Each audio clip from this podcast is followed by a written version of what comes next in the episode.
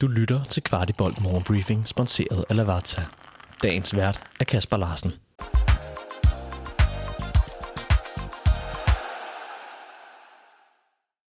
Det er tirsdag den 10. oktober, og vi er nu officielt i gang med landsholdspausen. En pause, der gerne skal tilføre FC Københavns trup to spillere mere, da der er et begrundet håb om, at Bøjle og Kutsulava igen er til rådighed på den anden side. Velkommen til. Men i denne morgenbriefing bliver vi lige ved AGF-kampen, for udover at Kvartibold har lavet en længere nedtakt, tog jeg i går forbi medlem af Legends Club, Christian Lønstrup, og fik hans trænerfaglige vurdering af søndagens opgør i Aarhus. Den snak kan du høre lige her. Jeg har været så heldig at få fat i medlem af Legends Club, Christian Lønstrup. Og Christian, jeg tænker lige, at vi kunne bruge et par minutter på, øh, på denne her AGF FC København-kamp. Øh, hvordan overordnet så du kampen i går? Jamen, FC i første halvleg styrer det fuldstændig. Øh, AGF er stort set ikke til stede. Øh, og, øh, og så har man et par store chancer, man ikke får scoret på, men i god kontrol. Overraskende god kontrol, synes jeg egentlig øh, fra starten af. Normalt, når man tager til Aarhus, så er det typisk AGF, der ligesom starter godt. Øh, og så ændrer billedet sig jo øh, i anden halvleg. Jeg tror, at AGF havde fået en skideball af deres træner og kommer ud og trykker FC, som har svært ved at sætte spillet, som bliver trukket lidt tilbage. Øhm, og så, øh, så bliver der jo scoret sådan lidt et tilfældigt mål, hvor vi står lidt i ubalance, og Vavro er ikke lige ops på en, på en lang bold, og, og lidt heldig for, at de faktisk scorede, for den bliver faktisk rettet af lige inden, så kan der bare der har lidt svært ved at, at, at redde den her bold. Øhm, og så er man jo bagud 1-0 ud af ingenting, og så ændrer Næstrup jo, og, og, og begynder at skifte lidt, lidt friske folk ind. Øhm, og, øhm, og så scorer Falk jo et flot mål til sidst, hvor, øh, hvor jeg tror, den bliver slået i længderetning, og de ikke får hættet ordentligt væk. Og jeg tror, Nikolas Morten, han, han følger ikke, eller Patrick Morten, han følger ikke med Falk, og så sparker han den op i hjørnet. Så fortjent nok, men man får et kryds, kunne godt have vundet ud for spillerchancer. Øh, I hvert fald godt, man ikke tabte. Hvis man sådan kigger på det her, jeg synes jo, vi er, øh, som du også selv er inde på, ret dominerende i første halvleg. Vi holder AGF nede, jeg tror den hedder 0,04 på expected goals til dem. Hvad er det, sådan en pause kan ændre, når du sådan kigger trænerfagligt på det? Man kommer ned og har vel en god følelse for den her første halvleg. Hvad, hvad er det så, at øh, der lige pludselig kan ændre det her billede? For det er jo ikke første fodboldkamp, vi har set det her. Nej, men det er jo, når, når man har været blevet spillet i bund, som AGF er blevet, og stadigvæk øh, øh, ikke har indkasseret mål, så er det jo positiv nok, men, men det er klart, at man kommer ned, og så får man en pep-talk af træneren, og så er der måske lige nogle taktiske justeringer, om presset skal være højere på siden, eller en offensiv øh, midt skal falde ind i nogle mellemrum. Et eller andet, der gør, at man får lidt frisk pust. Øh, og med, med, med det rygstød, de har for deres øh, hjemmebanepublikum, så, øh, så kommer man ud med, med, med fornyet energi. Og så begynder de at spille lidt mere i længderetning mod FCK. Det er jo holdene er jo begyndt nogle gange at lægge bolde ned omkring vores sparks, eller FCK sparks, og så får man trukket frem og, og kørt ekstra pres, og, og, og hvor restforsvaret var bedre. Og bare det, at du har fem minutter mod FCK, hvor du ikke bare løber rundt efter bold, det er faktisk selvforstærkende. Øh, omvendt så har FCK spillet en rigtig godkendt første halvleg, og ned i står bare sikkert rosten. Og så ved du, hvad der sker sådan lidt mentalt. Så falder man måske lidt 5% og, og løber måske ikke en ekstra meter, og er ikke lige skarp på de små ting. Og så bliver det en falsk tryghed, og det er jo det, der sker med målet, hvor vi faktisk øh, er i boldbesiddelse, taber den på et lidt uheldigt sted, har begge baks højt oppe, og så bliver vi taget på en omstilling. Øhm, så, øh, så det er ikke noget, man bevidst gør som spiller, at man falder i niveau, men der er jo en masse mekanismer og nuancer i løbet af en kamp, som ligger og bølger, og specielt når den står 0-0. Og når du så kommer bagud, ja, så skal du reagere, og det gør FC jo også. Så øh, jeg synes, de reagerer fint.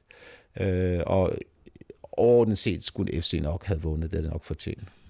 En af de nuancer, der, der opstår, det er, at vi øh, inden for de første 4-5 minutter i anden halvleg, øh, nu siger jeg, jeg giver dem, men de får i hvert fald en, en 3-4 hjørnespark. Er det noget, øh, så lille, en forholdsvis lille detalje, er det noget af det, der lige kan skubbe momentummet væk fra det hold, som har været på bolden meget, og over til det hold, der egentlig har haltet efter?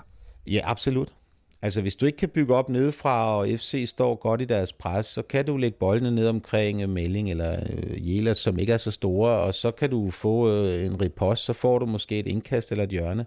Og, og et AGF-hold, som er dygtigt på standarder, med en ting er, der er farlig i luften, og det ser du også, at han er ved at score, så, så får du god energi og så får du også lige ro på øh, i forsvaret og kan trykke din bagkæde frem. Problemet er, at nogle gange, når du spiller mod FCK, der er så boldstyrende, så kan du ikke få skubbet din bagkæde frem. Det vil sige, du ligger hele tiden og tager imod tæsk som, øh, som en bokser, men her der får du ro. Du får lige et minut og halvanden minut, og så er du ved at score, og så kan du presse op og lukke øh, målspark, så FC ikke kan sætte deres angreb.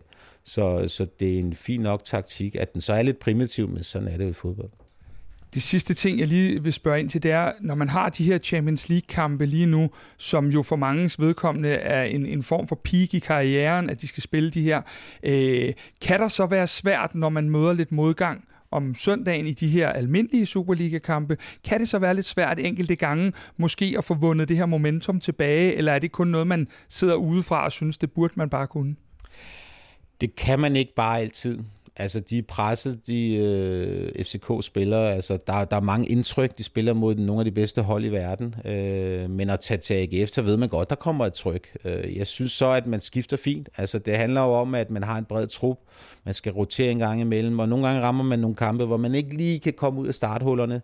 Øh, og, og så kan man jo heldigvis skifte fem mand, og det gør Næstrup også i går. Øh, så det handler om at holde folk friske, men også have respekt for det, man møder, og jeg ser ikke nogen faresignaler omkring, at FCK undervurderer modstanderholdet. Men det er klart, når du har spillet mod Bayern München og har været med i så hård en kamp, og så skal til Aarhus, der skal du virkelig økonomisere med dine kræfter, og der skal træneren jo finde ud af, hvem er mest til stede øh, i en lineup. Så, så det, er, det kan godt være en udfordring.